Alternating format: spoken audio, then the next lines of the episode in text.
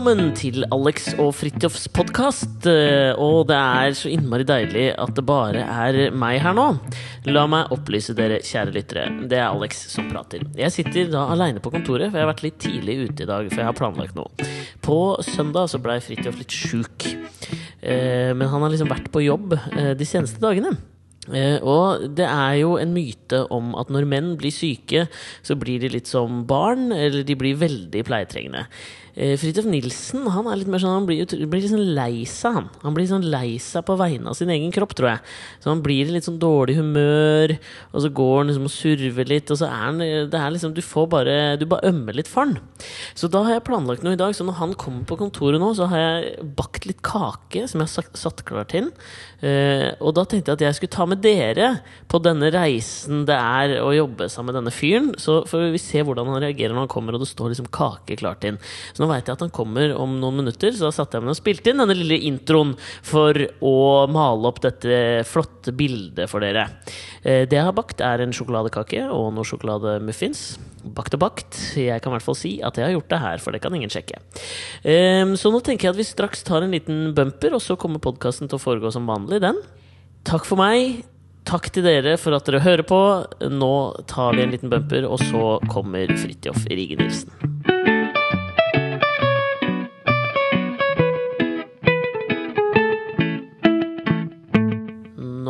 Ser jeg at han kommer inn døra her. Nå er jeg grådig spent. Skal vi se det.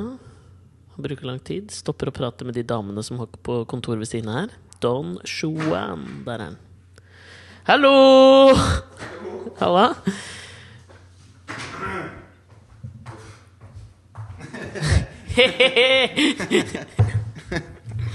Jeg liker at du så automatisk setter deg rett ned også. Du stiller ikke spørsmål om Oi, skal vi spille inn podkast nå? Nei, Men jeg ser jo at alt står oppe, og at du har satt fram, har satt fram kake. Åh. Sånn er det å jobbe med meg! Hva, hva er anledningen? Det er At du hadde vært litt sjuk. Så Ja, så tenkte jeg at jeg skulle muntre deg litt opp. jeg er ikke helt fit for fight, men kake, vet du. Kake hjelper. Jeg tenkte ikke over det egentlig da jeg tenkte på det at det er jo liksom en ekstra spoof hver gang man serverer deg kake nå. Mm, Ja. Mm. Men jeg syns at det var en deilig rik sjokoladesmak. Tusen takk. Bakt den helt selv. Nei, nå skal ikke jeg komme og begynne å Det er problemet vet du, med kake. Ja. Er at det, man har Fortell meg hva problemet med kake er. Jo, men når man får kake, så det er ikke alle kaker som er like gode. Nei. Men, eh, men man sier alltid at det er godt. At det, det, er jo, det er jo fantastisk at folk baker kake til en. Sånn som, sånn som du nå som har bakt Jo, men kake til samtidig, meg. fader, det er lavere terskel Altså, det er jævlig mye høyere terskel på å si at eh, desserter suger, enn liksom hvis du får en biff som er litt vond. Liksom, kan du si 'oi, den var litt tørr'. Jo, men Hvis noen kommer hjem til deg og har tatt med kake, Ja. så sier du ikke sånn 'Å, den gleder jeg meg til å smake på'. Nei, vet du hva, den var faktisk Den ikke var ikke så god. Nei. Den var, kanskje du har brukt litt mye sukker i den frostingen. Og Ja, Det sier man aldri. har, Hvorfor har du gjør latt man den ikke stå litt lenge? Og, nei, fordi kake er bare kos. Det er, det er mer tanken om kake som er kake. Ja, men jeg skjønner hva du mener. Men det er jo liksom Hvis jeg inviterer folk hjem på middag, så kan de jo godt si at de liksom kanskje ikke likte noen av hovedrettene, men jeg, du får aldri en negativ kommentar på at desserten din suger, liksom. Nei. Og så er det jo sånn, når man kommer på jobb og skal spille inn podkast, og så mm. står det Beskriv! Beskriv! ja, et, et stykke sånn klassisk skuffekake, Ja, ja. sjokoladeskuffekake Ja. med kokosstrø på toppen, Ja. Og en muffin, en sjokolademuffin som er overstrødd med hvite og rosa hjerter. ja er Som jeg som ser er tiltenkt meg, da. Jeg mener den er tiltenkt deg, ja. Så blir jeg jo glad. Ja, den, ja. Er så hyggelig, da. Ja, Tusen hjertelig takk, Alexander. Det Bare- bare hyggelig. å komme på jobb her til deg. Ja, nei, sånn er det. Ja. Hvordan går det? Jeg beskrev litt for lytterne sånn i forkant eh, før du kom her nå. Hvordan eh, Ikke sant? Myten om menn som blir syke, er jo det at de krever så mye pleie. Men jeg har liksom gjenkjent eh, Du har en fascinerende persona når du blir litt eh, skruffen. Ok. For å bruke Stian Blipp, eh, det vi mener at Stian Blipp er uttrykket. Skjer med at han ble kåra til Norges best kledde mann? Jo, men han er, han er veldig velkledd når han er på. Ja, men ekstremt lite velkledd når han er av. Skruffen. Ganske skruffen. Måten du blir eh, skruffen på, det er at eh, Jeg blir litt sånn der at jeg, jeg blir litt sånn Å, stakkars meg. Og at jeg blir litt, får litt vondt. Litt sånn som kanskje vanlige menn gjør. Men jeg er ikke sånn ekstremt pleietrengende. Mens du blir du blir, Jeg opplever at du blir sånn lei deg. Og så blir du litt irritert på din egen kropp. Så blir, eller du blir ikke lei deg, du blir bare veldig veldig skuffa over din egen kropp. Som er litt Ja, sånn Hvordan kunne du gjøre dette mot meg?! Ja, men jeg har det sånn Altså, hvis uh, For jeg føler at du har planlagt ting du skal gjøre, og sykdommen bare står i veien for Ja, det men det er akkurat som når bilen går i stykker. Ja. Altså Hvis bilen går i stykker, så blir du sur på bilen. Ja. Eh, kroppen er min bil. Når kroppen går i stykker, eller ikke funker som den skal, så blir jeg litt sur, da. ja, jeg synes det er Det er det står i veien for meg. Det er jo en av de mer sympatiske måtene å bli syk på, liksom. Min far han er liksom For han er den prototypen av hvordan menn blir syke. At det, liksom, det blir veldig sånn overdrevent og, og veldig oppmerksomhetssyk med sin sykdom. Ja. Det gjør ikke du så mye. Du er mer litt sånn lei deg. Vil helst være aleine. Og du sier sånn der, ja, man Kan du ikke bare ta en dag da i senga og så la det herje fritt? Bli liksom? frisk, liksom. Ja. Det funker ikke for meg. Nei. Da blir jeg kokos. Hvis jeg, altså, hvis jeg skal ta en dag i senga, så er det fordi jeg ikke skal klare Da, da klarer jeg ikke å stå opp. Ja, jeg skjønner det. Fordi at det, ellers så ja, nei, Men noen ganger Ellers så så- gir jeg tapt for sykdommen. Det er sånn, hvis, ja, hvis bilen din er gått i stykker, du gir ikke bare opp. Du sier ikke bare 'vet du hva, girkassa vant over resten av bilen'. Nei, det skulle jo vært litt sånn med kroppen som eh, Rolls-Royce har vel det tilbudet. Litt det samme som det pipetobakkmerket som heter McBaron. Ja, Begge de to, Det er to uh, forskjellige typer produkter som har dette tilbudet. Men Rolls-Royce har jo i hvert fall det at hvis du hvor som helst i verden uh, bilen din blir ødelagt, eller du får motorstopp eller whatever, så har de satellitt, sånn at de kommer dit på en eller annen måte. Ja, De kommer med helikopter. Ja, ja. Med, teknikerteam, og så tar de med deg Fikser til et sånn femstjerners hotell Ja. og gir deg fotmassasje mens de fikser bilen din. Det er jo også fascinerende, som vi hørte en kompis av oss som fortalte Lars, vår fotografkompis, som hadde vært på et opptak med en fotograf, annen fotograf som røyket pipe, hadde gjort det i 40 år. Ja. Kanskje 30 i hvert fall.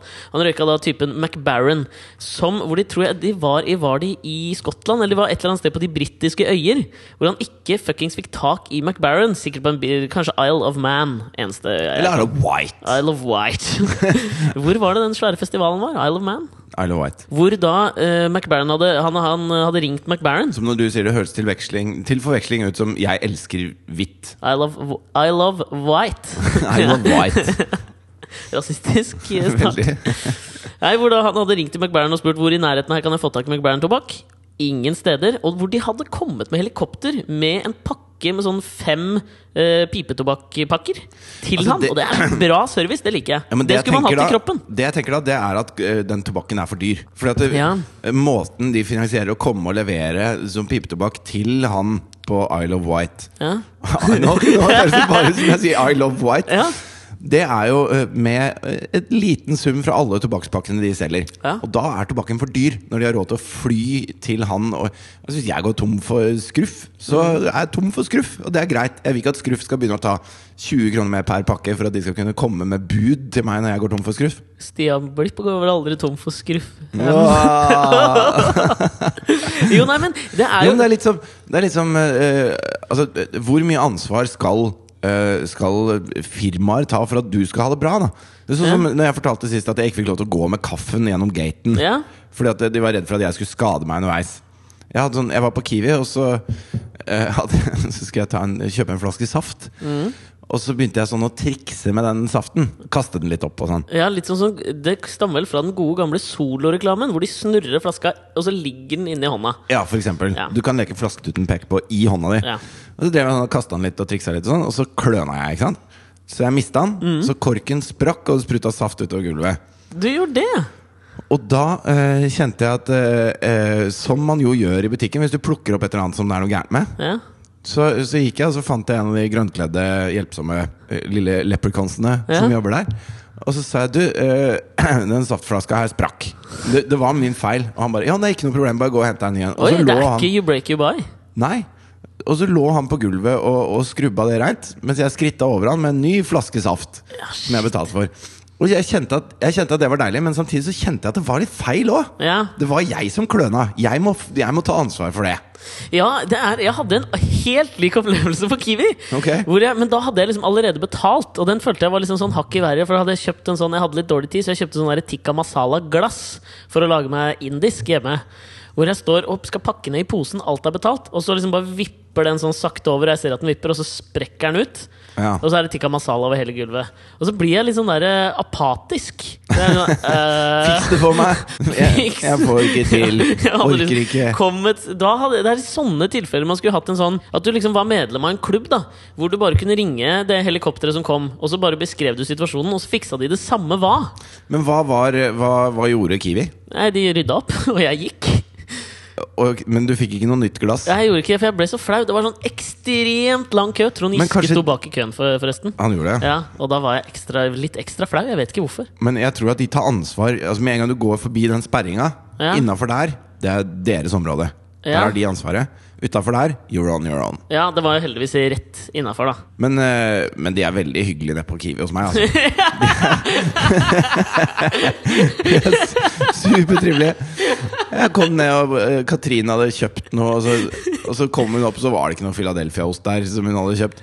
Og så sa hun kan ikke du gå ned og se om jeg glemte den i kassa. liksom Og så kom jeg ned og så sa jeg du lå det igjen en Philadelphia-ost her. Så bare, «Eh, Nei, vi har ikke sett noe, men bare hent deg en, du. What?! Det er superbra. Ja, men ser du, det er jo litt Det er Kiwi-versjonen av McBarron sin, eh, sitt helikopter. Jeg mener jo litt Min at man Kiwi er Rolls-Roycen av Kiwi. Ja, kanskje. Ja. Men jeg tenker jo også, selv om at de bruker Selv om jeg da Hvis jeg hadde røyka McBarron pipetobakk, og en fyr hadde uh, fått det servert uh, på en Isle of White, så hadde jeg følt at jeg liksom var med i en eksklusiv klubb. Sånn at hvis jeg noensinne befant meg på Isla de Blanco eller Orkenøyene og manglet McBarron-tobakken, så ville jeg også få den samme eh, servicen. Og det er bare, den følelsen av at man liksom er medlem av en klubb. Så, Ja, så men det du, liksom du så- er har en sånn personlighet. Du er en sånn 'jeg liker å gå forbi køen'-personlighet. Hell yeah. Ja, og hvis, eh, hvis det er noe som er gratis, eller noen spesielle plasser, eller hvis det er liksom noe du kan hente ut av goder, særbehandling, som, som setter deg over andre mennesker, Mhm. så tar du imot med åpne armer, smiler og, og sier 'dette fortjener jeg'. Ja, jeg føler jo alltid at jeg fortjener det. Det var litt sånn I går så skulle jeg på den Paske, je le vois ja. Jeg var skulle på det Radioresepsjonens postkasse, postkasse, postkasseshowet på Rockefeller. Ja. Hvordan var Radioresepsjonens postkasse, postkasse, postkasseshow? Du, det var meget bra. Det litt eh, morsomme der var at jeg dro sammen med Mari, min gravide Nå holdt jeg på å si kone. Freudian slip der, altså. Ja, Kjæreste. Sambo. sambo. Og sambo. Når jeg sier alltid det, så tenker jeg alltid på eh, Doktor Åsas sambo. Ja, ak alltid! Gjør du òg? I Sverige så heter jo samboer heter sambo. Ja. Sånn at eh, hvis du er eh, eh, samboeren til Elin Tvedt, da, så er du Elin Tvedt sambo. ja. Og så er det en, eh, en, en kvinnelig doktor som heter doktor Åsa. Ja. Som er liksom, Akkurat som Idol-Kurt, så er hun doktor Åsa Ja. i alle aviser og alt mulig sånt. Litt som Wenche på kjøkkenet på God morgen Norge, for det er kokke-Wenche. Nei, er, Hva er det hun kalles? God morgen, Wenche? Det er ikke kokke-Wenche? Mat-Wenche? Kanskje. Wenche var et dårlig eksempel, da. God morgen, god morgen, Wenche. Altså, hva, hva, sier de det? De gjør ikke det. Nei, de gjør ikke det. Jeg har faktisk Du jobba er der. De sier ikke det. Ja, det kan du sikkert si. Fått seg kjæreste hans, jeg. Men i hvert fall Hva skjer med at ettermiddagen Ikke spor han. Okay. I hvert fall doktor Åsa fikk seg en sambo. Ja. Og han, eh, det var noe sånn forsikringssvindel. Han Ja. brant ned noe hus og sånn. Så det var liksom masse, eh, masse greier om han i avisene, og da sa de aldri navnet hans. Det var bare Dr. Åsa Sambo. Og jeg tenker, jeg tenker litt sånn derre Får du en liten sånn hottentott-vibbe på det ja, ordet? Ja, ja, det var gjør du det det? Den derre, eh, hva, hva heter han som reiste ned? ja øh, Det er en sang, ikke sant? Ja, Ja. Og, og en barnebok. ja. Eh, Er det Torbjørn Egner, Ja, helt sikkert. Rasistiske jævelen. Ja, jeg tenker lille, lille Sambo, Fra eller sa, nei, Sambo fra Samba? Hva faen er det? Mambo fra Mamba. Ja, Det er i hvert fall noe ekstremt rasistisk. Ja. Men jeg synes det var gøy at han het Doktor Åsa Sambo. Ja, så jeg hør på den stemmen. Den er ikke god. Jeg tar meg litt mer Ta sjokolademuffins med Akkurat hjerter på. Akkurat muffinsen tror jeg ikke er så jævla god. Nei, den var ikke så god, nei. Nei, men kaka var god, var den ikke det? Men poenget da var at vi står der på Radioresepsjonens postkasse, postkasse, postkasseshow, og hun, eh, min kjæreste, klarte jo det tragiske som skjedde. Nei, den var ikke så jævlig god. Nei, ikke sant? Nei. Det er ikke jeg som har bakt den. Fy fant hun samboeren din må øve Nei, det er ikke hun heller. Det var Ok. en venninne av Okay. Line heter hun. Fy faen, det, var, jeg var ikke noe spesielt god, liksom. Og ryker første runde av kakekrigen. Hadde det. Er det finale i Kakekrigen nå snart, eller? Ja, Ed vant i går. Ah, ja, selvfølgelig! Det er jo fredag. Ja. Ed vant uh, første sesong av Kakekrigen i går. Gratulerer, Det som er, det som er morsomt med Ed, Rimelig homo han Ed, eller? relativt homo. Ja. På en god måte. Definitivt. På en flamboyant, uh, utagerende, Elsker. god måte. flamboyante homser, ass. Ja. Uh, det som var gøy, var at han het Ed, og det ble spilt inn i Danmark. Så Ed, Ed, Edge. Oh, Ja, ja. så da sier de sånn Jeg har sånn greie i øret, og så sier de skal jeg snakke dansk. Gå til bord Ed. Oh, ja. Og så går jeg til bord ett. Eh, Men det er bordet til Ed.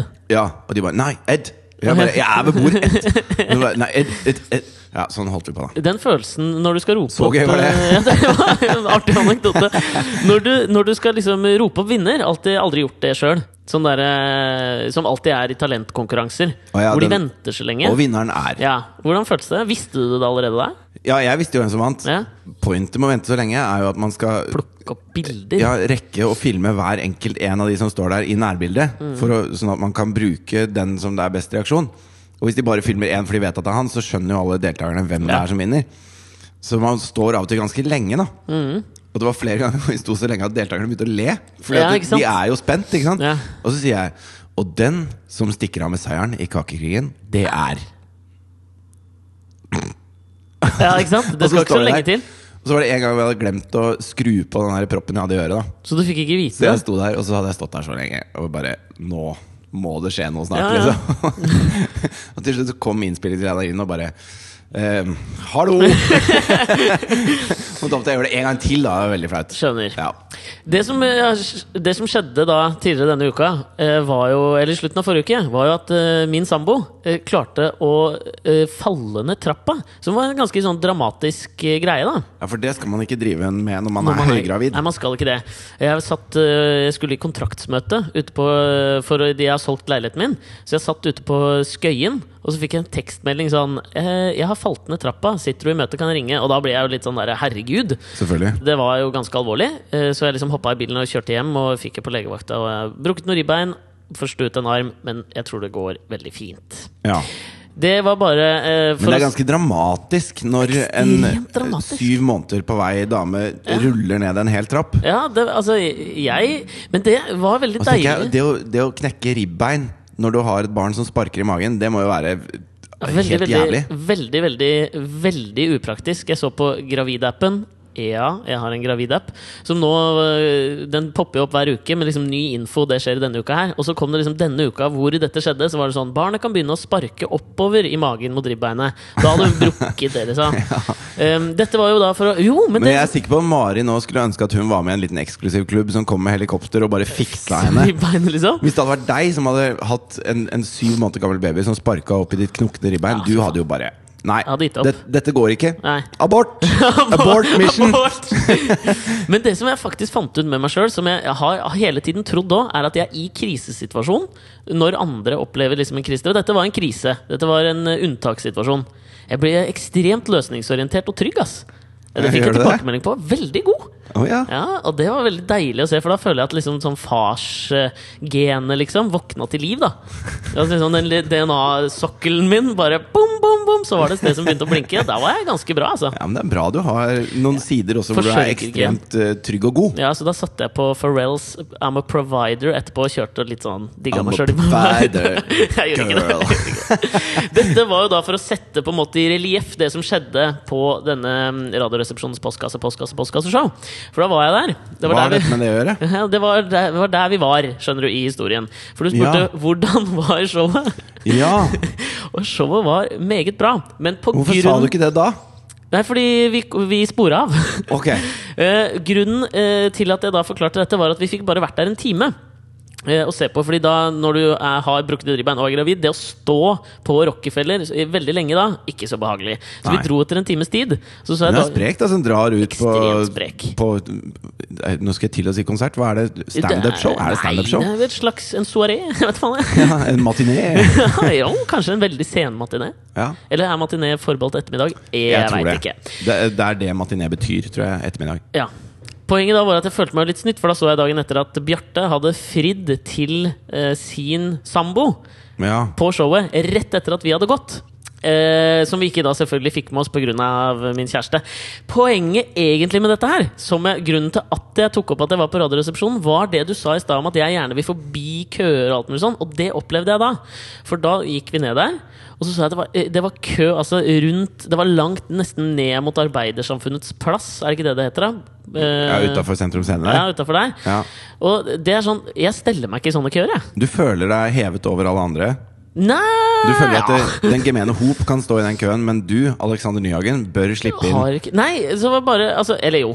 ja. Du gjør det? Jeg føler litt det. Men det gjør jo sikkert alle som står i den køen. Nei, det tror jeg ikke. Ja, altså, jeg, stiller, altså, jeg har hatt flere ganger hvor jeg uh, står på gjesteliste til band jeg kjenner, for eksempel, og sånne ting. Men jeg stiller meg alltid i køen. Mm. Ja, men det for jeg har ikke ikke lyst til å være han. Nei, men det har ikke jeg heller. Men jeg vil bare ikke stå i køen, så da gikk jeg heller rundt andre steder og venta til køen var veldig kort. Ja, men det det, er jo lov. Ja, det er også Det syns jeg er så rart, når, når, spesielt når du skal fly. Så ved gaten på flyet Ja. så sitter alle og venter, og så når, øh, når det liksom begynner å skje noe borte ved gaten, så reiser alle seg og stiller seg i kø. ja. Og så står de der i opptil ja, De kan stå der i 20 minutter i kø for å komme på det flyet. Og ingen kommer noe tidligere fram enn noen andre med det flyet. Nei. Og jeg, jeg begriper ikke hvorfor, da. Jeg har aldri stilt meg i en sånn kø. Nei, det, det skjønner jeg ikke heller. Det er Og så har jeg funnet ut at hvis du kommer dit Hvis du kommer til gaten, og så er alle setene opptatt rundt gaten, og det har ikke begynt å skje noe, det er en stund til det skjer noe, så øh, hvis du da stiller deg opp og, og leser litt i boka di, og så plutselig så ser du deg rundt sånn Oi. Sånn, å, nå skjer det noe. Ja. Og så pakker du ned boka di fort, og så går du med målbevisste, raske skritt bort til den der gaten. Ja. Så vil minimum 20 stykker reise seg ja. Og komme og stille seg bak deg. Så står du der, teller til ti, og så går du og tar plassen deres. Så blir de stående. Det er akkurat det. Jeg har tenkt jævlig mye på det. Det er litt det samme som skjer inne i fly når man skal gå av. Hvor alle reiser seg opp med en gang for å hente ut bagene sine, og, det går, og så blir de stående i midtgangen. ikke sant? Ja, ja. Det jeg har tenkt er at det, Når jeg ser sånn, så skjønner jeg på en måte hvordan Hitler fikk makta i 1933. Skjønner du hva jeg mener? Men sånn Han bare kollektiv- chartra et fly. Nei, men det er sånn kollektiv idioti som bare følger han foran deg. Greia. Så helt sånn blindt, som en sånn hodeløs høne-greie. Ja, ja. Jeg mister troa på menneskeheten jeg, på flyplasser. Det er det motsatte av den Love Actually-romantiseringen av at flyplasser er sånn vakkert sted. Jeg får nøyaktig det motsatte. Kanskje litt også fordi jeg er redd for å fly. Det var like, når vi fløy ned til Gran Canaria nå for et par uker siden, Mm, Gran Can, som jeg har hørt at det kalles. Grankis, så, så var det jo bare pensjonister på det flyet. Mm. Som hadde sittet og fått ordentlig mark i rumpa. De gleda seg så fælt. Og så lander det flyet, og det er applaus, Ja. som det skal være når du lander på Las Palmas. Ja. Og så reiser de seg opp eh, før det der eh, ta av setebeltelyset har slutta å lyse. Så flyet taxer fremdeles rundt på rullebanen. Og prøver å få ned med sine, sine dirrende Leddgikte hender. artristiske hender. Prøver å få ned tunge kofferter og bæreposer med sprit fra uh, hattehylla. Ja, for de er også sånne som presser inn for store eh, håndbagasjegreier for å slippe å Ja, stå for de har vente. blitt sånne 'jeg fortjener å gå Ja. forbi køen'-folk. Ja. Fordi de har levd for lenge. De føler at det bare ansienniteten deres gjør at de bør få lov til å ta med seg romflaska av flyet på Las Palmas før alle andre. Og det blir jo bare dritfarlig, for de klarer jo ikke bære disse posene. De klarer ikke løfte ned disse koffertene. Så jeg sitter her, og så klarer jeg akkurat å rekke opp en hånd for å stoppe en sånn trillekoffert fra å dette ned.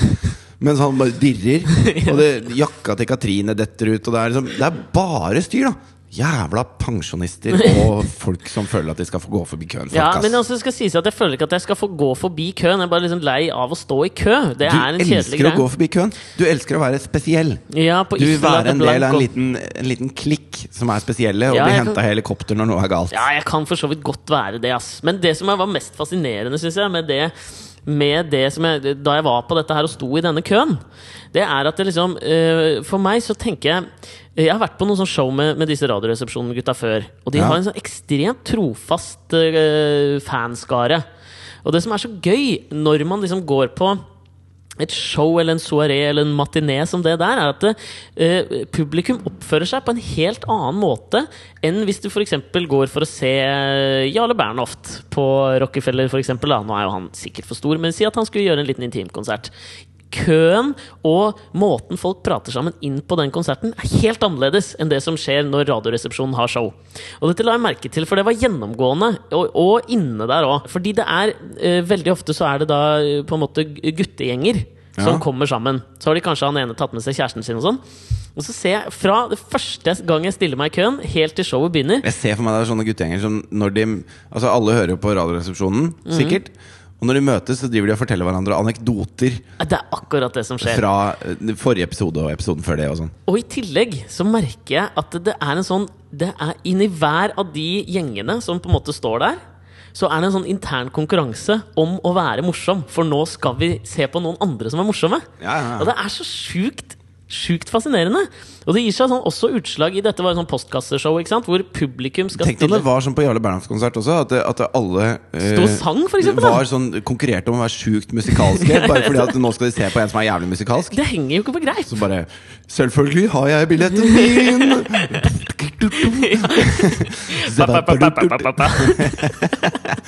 Come on and talk to me Ja, det, hvorfor Jeg skjønner ikke altså, Humor er på en måte sånn allemannsgreie. Alle og alle er ikke morsomme. Og det, liksom, det blir ekstra flaut da når det er et sånt show som det der, hvor, hvor det er publikum som liksom lager show og stiller spørsmål til de gutta som de skal svare på. Ja. Og så eh, hadde de da en sånn ute, utegående reporter da, i gåseøyne som var ute blant publikum, og gikk gjennom og så spurte hun sånn Er det noen som har spørsmål, så kan dere stille her. Og så gir hun dem mikken, og så Ja, du skjønner poenget. ja. Jo, så var det da en, en, en guttegjeng som sto rett ved siden av der vi sto. Hvor, liksom, hvor dette her var bare Det var maksa ut, liksom. De, skulle, de, de var for å tøffe seg og var morsomme på show. ja. Og så er det da liksom han ene da som skiller seg ut når hun går forbi, og spør liksom Ja, jeg, kan jeg stille et spørsmål? Jeg har et dritbra spørsmål. Når mister man den innsikten på at det spørsmålet du stiller, hvor du prøver å være morsom, det er jo ikke morsomt! Men det er eh, Altså, jeg så, så et sånt standup-show med Jimmy Carr, Mm. som er en ekstremt intelligent eh, komiker fra England. Ja, Litt sånn Ivy League-aura på han. Han har jo gått ut av Var det Cambridge eller noe sånt, med sikkert. toppkarakterer. Oxford eller Og, Cambridge, ja. og gjorde det dritbra innenfor aksjemegling og var liksom helt sånn top notch. Og så ble han drittlei, bare, og Ja. begynte med standup. Og han Også, ser, ser sånn ut òg, det viktig. Veldig Ja, ja. sånn Playmo-sveis og propert ankledd. Ja. Og så, ja. er det alltid sånne hecklers i salen, da. Ja. Som skal si sånn Ja, mora di, eller et eller annet. Og så sier de et eller annet for å tøffe seg for dama, eller et eller annet sånt. Og så er det jo ikke egentlig for at de vil ta rotta på han, men de syns det er gøy at han vier deg oppmerksomhet og tar litt rotta på deg. Og, og så var det en som tok litt ekstra i, da. Og så blir han bare revet i fillebiter av Jimmy Carr. Og, så, og så står Jimmy Carr der, så sier han Altså jeg vet ikke hva du tror du driver med. Du kommer hit og setter deg ned i en stol og skal si et eller annet som er morsomt, for å utkonkurrere meg. Alle de andre her har betalt hundrevis av kroner for å se meg være morsom. Dette er det jeg driver med. Dette kan jeg, liksom. Og nå skal jeg ødelegge deg. Og det, det funker, da.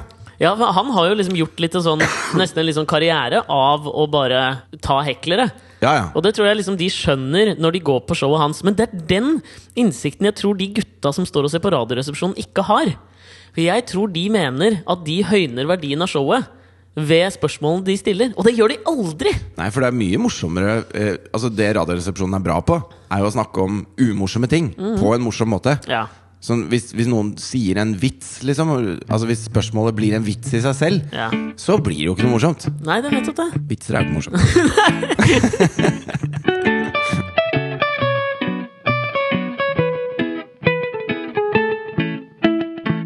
Men apropos dette med Kiwi. Jeg var nede på Kiwi eh, Altså Kiwi er rett over gata. Apropos kiwi, skal jeg slenge inn en ting? Når du er eh, gravid, så må du spise ganske mye kiwi for å få i gang fordøyelsessystemet. Ok Kiwi har mye C-vitamin. Ja, det er sikkert. Det er den frukten med mest C-vitamin. Overraskende! Veldig. Tenker jo at det er eh, appelsin, bare pga. fargen. Uh -uh. C-vitamin for meg har en oransjegul farge. Avokado. Den grønnsaken med mest fett. Ja, det kan jeg se for meg. Tåler ikke avokado, jeg. Uavhengig av det.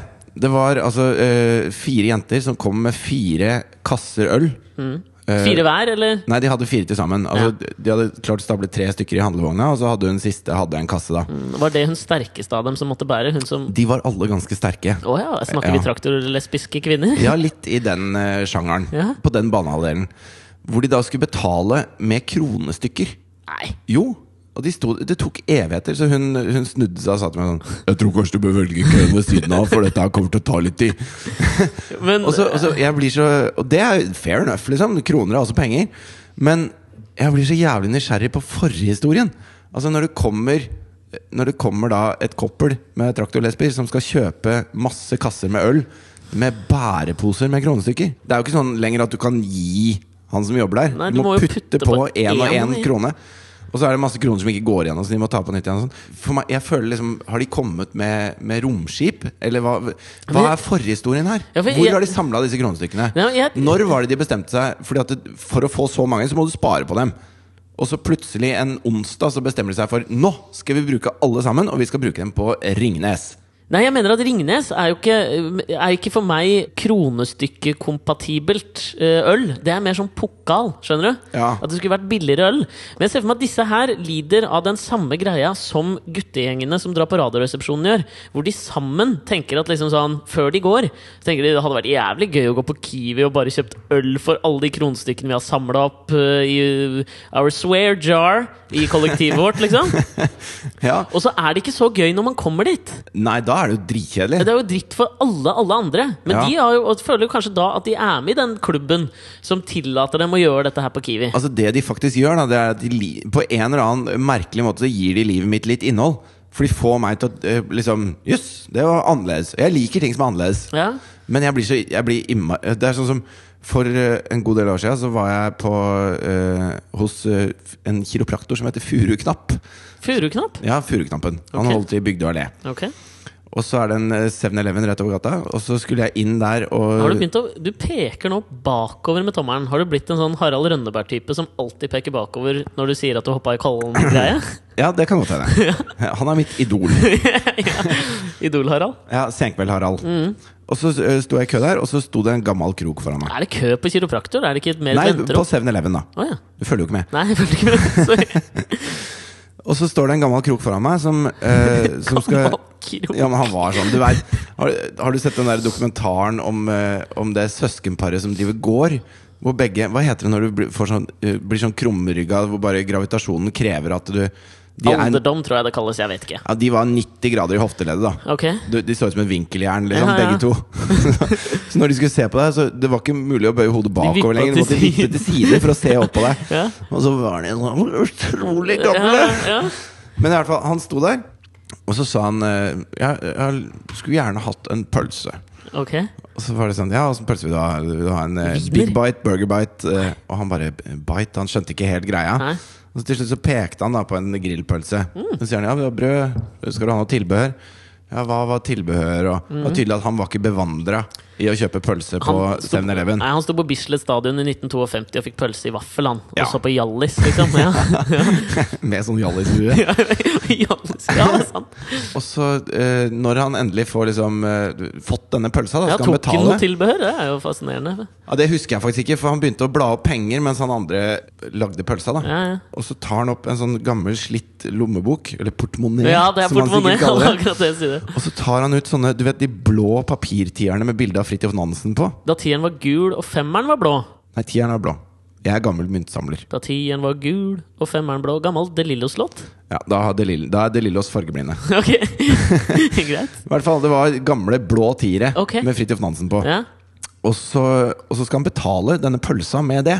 Og så, og så sier han eh, Dette kan jeg ikke ta imot. Dette er ikke gangbar mynt. Nei, det er ikke gangbar mynt. Og han bare Hva? Dette er jo pengene mine. Det, altså, jeg skal betale for Big Biten i Chicago-brød med agurksalat.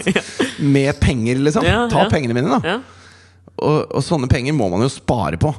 For at eh, Lenge. Ekstremt lenge. Så det endte jo med at jeg kjøpte de tierne av han, da. Ja. Fordi at eh, Ellers så fikk han jo ikke pølsa si. ja. Men, men jeg bare Han må ha hatt de i madrassen sin i sånn type 40 år. Og så en vakker dag så spretter han opp madrassen, tar ut en bunke med sedler, går ned på 7-Eleven og kjøper seg en Big Bite. Veldig Det er, det, er, det er bare så merkelig at jeg får ikke huet mitt rundt det. Bobby Fischer-kompatibilitet på han fyren her. Han, da han flytta til Island, så stolte han jo ikke på det islandske banksystemet. Han ville jo ikke sette pengene sine han, i islandske banker, for han mente at de kom til å gå konk. Noe som viste seg å være om enn litt prematurt, så hadde, fikk han jo rett. Det er jo litt denne fyren nå som er en litt sånn gammalmannstanke, at man ikke stoler på systemet. Det kommer jo fra krakk i 31, Ja. hvor bankene faktisk gikk konkurs, og folk ikke fikk ut pengene sine. Han fyren her levde jo sikkert da. Ja, eller så var han, eller så var han da, Eller så hadde han foreldre som ble veldig merka av dette her, og fikk det inn med morsmelka at du kan ikke stole på bankene. Ja, Jeg ser for meg at han mista komf-pengene sine på en eller annen måte. Da han ble 31, liksom. Men- han skulle ut på sånn romspringa og bare knulle huet av seg. Og så forsvant det, er som måtte han hyppe poteter på Toten isteden. ja. bare Den blemma går jeg aldri på igjen. De tierne skal rett i madrassen.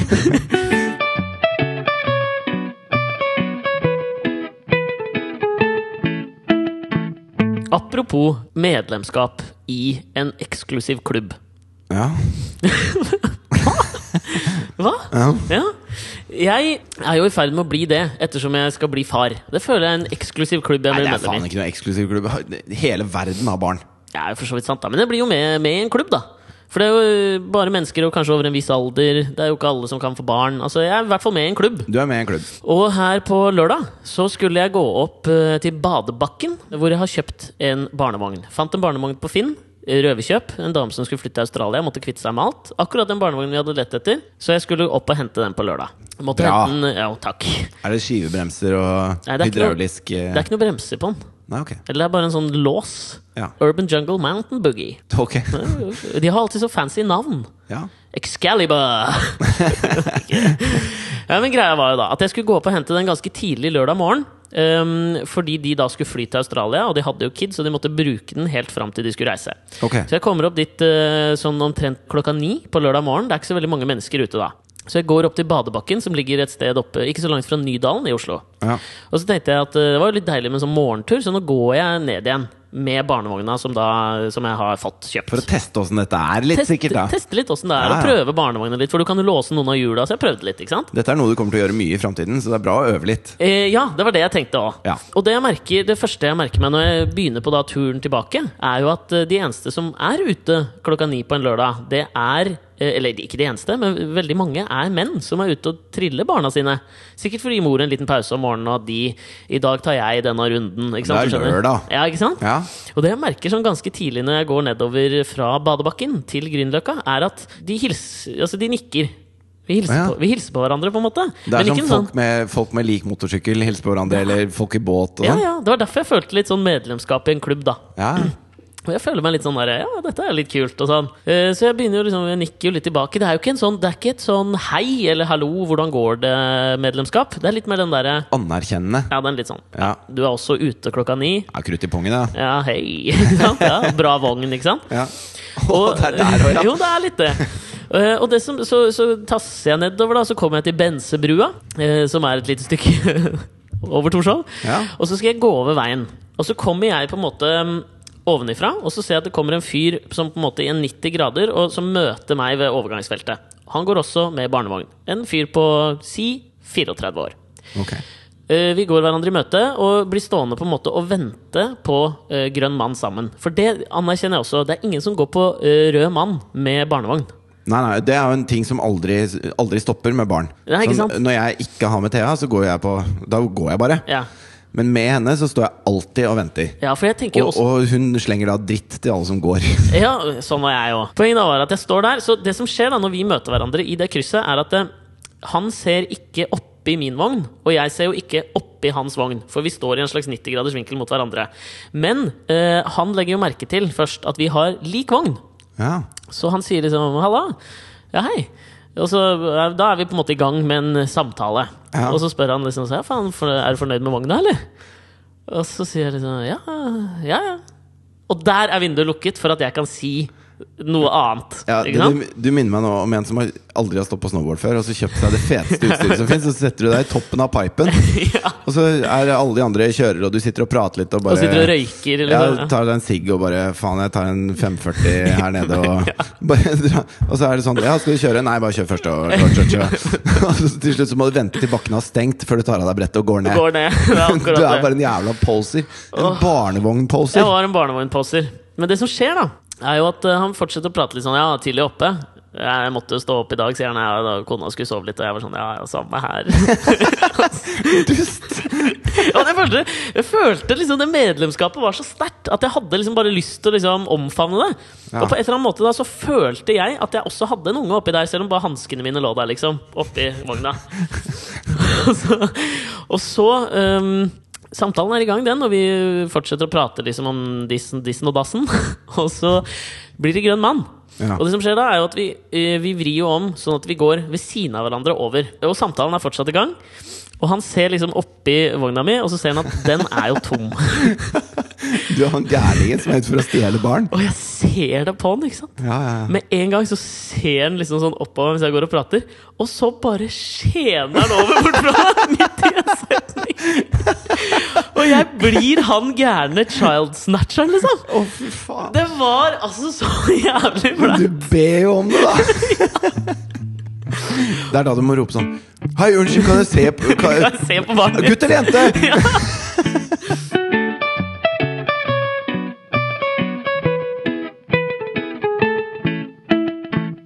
Men apropos uh, at du hadde da sett uh, noen uh, traktorlesbiske kjøpe øl på Kiwi for masse penger.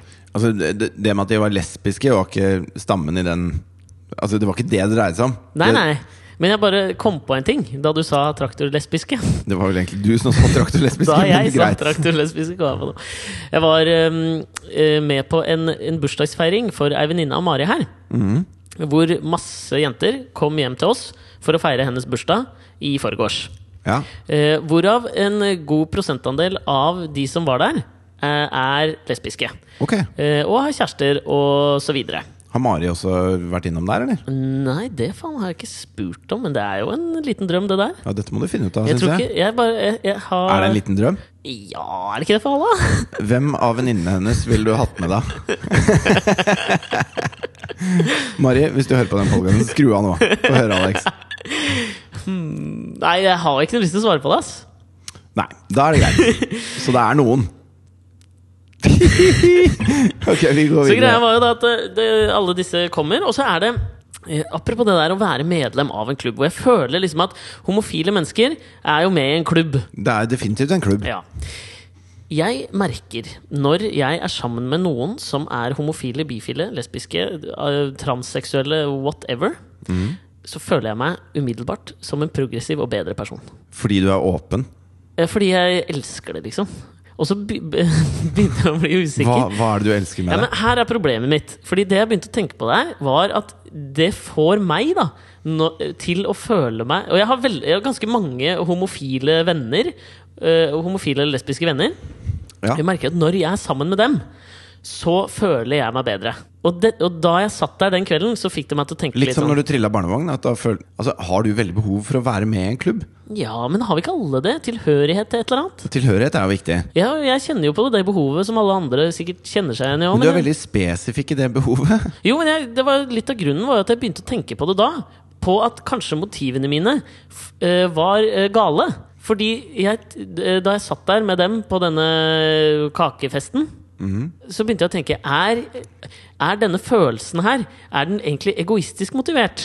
At jeg vil liksom sånn tilnærme meg dette her fordi det får meg til å føle meg litt sånn eksotisk og progressiv.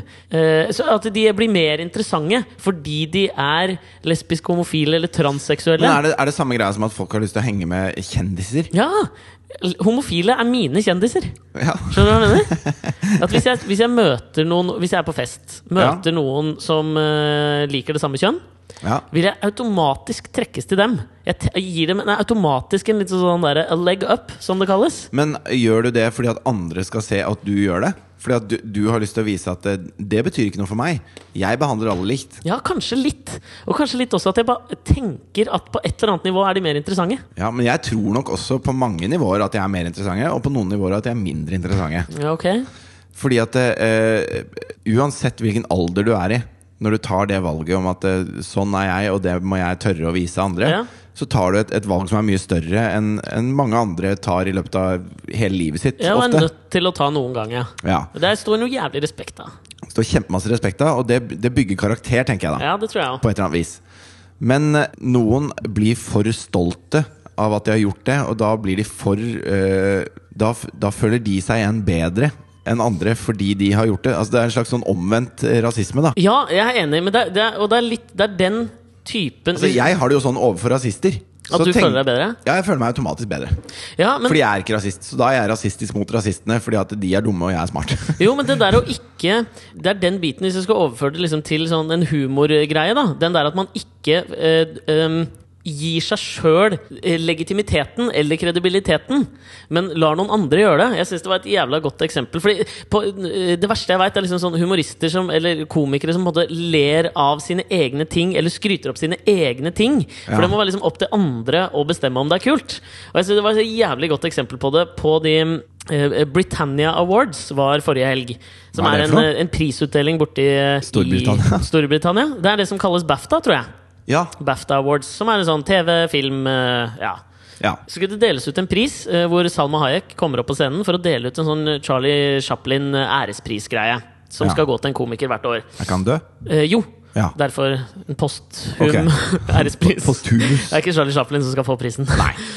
Hvor hun da har med seg en dame Hvor hun kommer trillende opp med en sånn gammel gammel dame i rullestol som bærer på en stokk. Og Så setter hun henne ved siden av seg Og så begynner hun å da forklare om prisen, om Charlie Chaplin. Og så sier hun at hun dama ved siden av her er den eneste gjenlevende som har spilt mot Charlie Chaplin.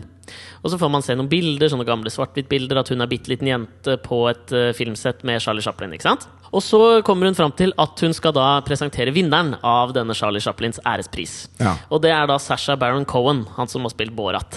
Ja, Som er en morsom fyr. ja det syns jeg. Og han kommer opp på scenen, tar imot eh, prisen, går bort til hun eh, gamle dama. Eh, Og gir henne en klem og takk. Og så sitter hun da med denne eh, stokken i fanget. Og så hører du at hun sier sånn 'Dette var Charlies gamle stokk som han brukte i den og den filmen, og den skal du få'. Nei. Og det er liksom et skikkelig rørende øyeblikk, da. Ja, ja. Og så, og så tar han imot den og sier takk, men er liksom litt sånn overlegen-ish. Og så, liksom, og så begynner han å gå rundt med den stokken. Du vet sånn stokk som Charlie Chaplin hadde? ja og så går han med Ja. sånn plié. Ja, så han går liksom bortover sånn og tuller og tøyser, og folk liksom tenker sånn Oi, dette var litt sånn under ham. Så det er litt sånn dårlig humor. Og så steller han seg liksom rett bak henne i rullestolen og liksom lener seg på stokken. Og så knekker stokken, Nei. og han faller og dytter rullestolen ut, så hun smeller ut i publikum. Kødder du, eller? Og det liksom Og alle får sjokk, ikke sant? Ja, ja. Og hun øh, De klarer ikke å vekke henne til liv, så liksom hun døde. Nei. Og så viser det seg da at dette bare er kødd. Ja. Men han kommenterer jo ikke på det. Det viser seg at denne dama er en stuntkvinne som er kledd opp. Og hun ser dritbra sminka som en gammel dame, liksom. Ja, ja, ser det er helt ekte. Jeg fikk helt sjokk da jeg så det. Men han kommenterer ikke på det. Så dette er da planlagt før han veit at han skal få prisen. Så tenker han nå skal jeg faen meg drepe en gammel dame og se hva de sier. Det er noe av det morsomste jeg har sett. Fordi at jeg skjønner ikke at det er morsomt med en gang, og han kommenterer ikke at det er gøy. Ja, men Det er jo klassisk han. Altså, Ja. når- han er ute og gjør Borat-filmene, så ender det jo ofte med at han får juling. For folk skjønner ikke at det skal være morsomt. Og det er ikke morsomt før etterpå. Det- Når, når man skjønner at det skulle være morsomt. Ja, men Det er det jeg skulle ønske. Jeg tror jeg aldri Man må liksom ha det litt sånn i seg, som kanskje også eh, homofile har. da Man må ha det litt i seg og bare liksom tørre å vente ut den der, tørre å gjøre den tingen som umiddelbart ikke liksom sånn de andre catcher. Ja. Og så må Man bare vente det ut. Og da når det liksom bare en høyere nivå av humor, eller hva faen du skal lage, da. Men det er jo rart. eh, Altså Når du tenker på uh, Chaplin og Buster Keaton og de første filmstjernene, da. Så det var jo mye nærmere YouTube enn en, Nå er jo George Clooney og Sandra Bullock Bullock-! Sandra Brack Obama er eh, i Gravity. Hvor hele filmen er spilt inn på green screen, og det er, det er så mye effekter og, og dilldall at det er helt sjukt. Og det er sikkert en, en visuell nytelse. Uh, men det er jo sånn hvis du er såpass nerd, da, at, uh, at du liker litt sånn vitenskapelige ting, Ja. Så, eh, så den filmen er nok ikke egnet til folk som, som ikke kjøper Hollywoods eh, evne til å skrive om virkeligheten, yeah. på en måte. Yeah. Men de gamle filmene med Buster Keaton og sånn, er så klassisk scene hvor han står, og så detter en hel husvegg yeah. ned bak han. Og så er det akkurat ta nei, loftsvinduet akkurat der hvor han står. Sånn at han står fortsatt etter at husveggene har falt ned rundt han. Ja. Det er ikke noe filmtriks. De tingene det. gjør de, liksom. Ja, ja. De var klin gærne. De var jackass på den tida. Altså, du kunne ikke gjøre noe filmtriks i det hele tatt. Så jeg syns det er gøy at, at filmbransjen har liksom gått en sånn uh, full sirkel, på en eller annen måte. Ja. At folk begynner å bli lei av det der eh, effektmakeriet hvor man ikke kan tro på noen ting. Det er så David Copperfield ja, eller Alex Alexander. eller Alex Alexander. Mens det man vil ha, er sånn hvor det, hvor det skjer et eller annet som man, man tror er på ordentlig. Og det er jo Sashen Baron Cohen som, som Sashen Baron Cohen!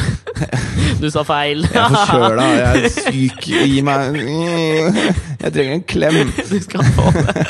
Men det er jo det han uh, går for når han gjør ting som folk oppfatter som ekte. Ja. Sånn var jo Sånn var det det var! Det var det som var ekte!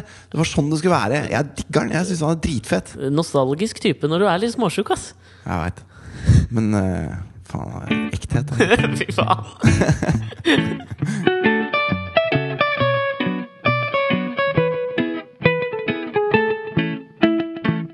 Føler du at podkasten på noe som helst nivå virker som en slags balsam En eh, lindrende balsam for din påbegynnende influensa? Eh, den får meg i hvert fall til å glemme at, at bilen ikke fungerer, på en måte. Ja. Den er, den er mitt, mitt Rolls-Royce-helikopter, er podkasten. Den henter meg ut av, av mitt sviktende legeme. Og opp til et jeg, høyere da. plan. Jeg er jo på en måte Ja, det har ikke noe med deg å gjøre. Det er det at vi sitter her med mikrofoner. Ja, det er mikrofonen. Det er mikrofonen som gjør det. Ok. Men altså Oi! eh, Men jeg syns, altså, det er tider hvor jeg kunne trengt en sånn Rolls-Royce-klubb. Altså, jeg hadde eh, Min eks-stefar, Ja. hvis det er noe som heter det, han likte å surfe. Mm. Altså, da snakker jeg vindsurfe, ja. Ikke bølgesurfe. ikke bølgesurfe. Knis. Og så hadde jeg lånt uh, surfebrett av han. da Og så ut, Mamma bor på Nesodden, og så drev jeg og surfa der. Og så mm. blåste det ganske hardt sørover. Og dette er på Bunnefjordsiden av Oslofjorden. Ja. Og så fikk jeg fin stim liksom utover, men eh, holdt Holdt litt sånn sydøstlig kurs Ja. i den fine stimen, helt ut midtfjords. Og så skulle jeg krysse tilbake Retning igjen. Drøbak, da, eller? Eh, nei, retning Kolbotn. Ja, ikke sant? Sydøstlig kurs. Ja. Retning Kolbotn. Bare gjentar det du sier, skal jeg. begynne å ja, Fortsett med det. Det er veldig deilig. Det det, hold- det det. hjelper meg å holde tråden. Vær så liksom. god. Og så skal jeg prøve å krysse tilbake, og så blåste det veldig, og det var ganske mye bølger. Og det begynte å bli vanskelig, og så jeg kom liksom ikke så mye oppover igjen. Og til slutt, tre timer senere, så var jeg i bånn av Bunnefjorden. Da var jeg liksom tre mil lenger ned, Ok. med surfebrett. Ja. Og du, du har ikke med telefon da. Nei. Så da må jeg liksom dasse opp i våtdrakt og ringe på et hus og spørre om å låne telefonen. Og ringe mamma og høre om hun kan komme og hente meg. Jeg har surfa meg bort. Da skulle jeg ønske det fantes en knapp på det F2-brettet som jeg bare kunne trykke, og så kom det et sånt Rolls-Royce-helikopter. Det hadde vært jævlig deilig. Ja, jeg holder fortsatt da Det var en fin eh, liten anekdote, men jeg holder fortsatt på inni meg at jeg er ditt sånn helikopter. Bare ring meg hvis du føler deg lost, nostalgisk eller uh, sjuk noen gang. Du. Stiller jeg. Og hvis noen andre trenger Alexander sine helikoptertjenester, så er det bare å sende mail til alexogfritjof.gmail.com. Eller skrive på Facebook, da. Like oss på Facebook. Eller hashtag på Instagram. Lag en liten video hvor du hashtagger og s- forklar hva du trenger hjelp til. Ja, for eksempel. Stiller jeg opp, jeg. Kommer med Og hvis råd. det, er, hvis det er vanskelig, ikke gjør det. Fordi Alex er en enkel liten mann. Ja, Ja, på en eller annen måte. Men det er vi da alle. Hæ? Er- Kjenner dere igjen der, lyttere?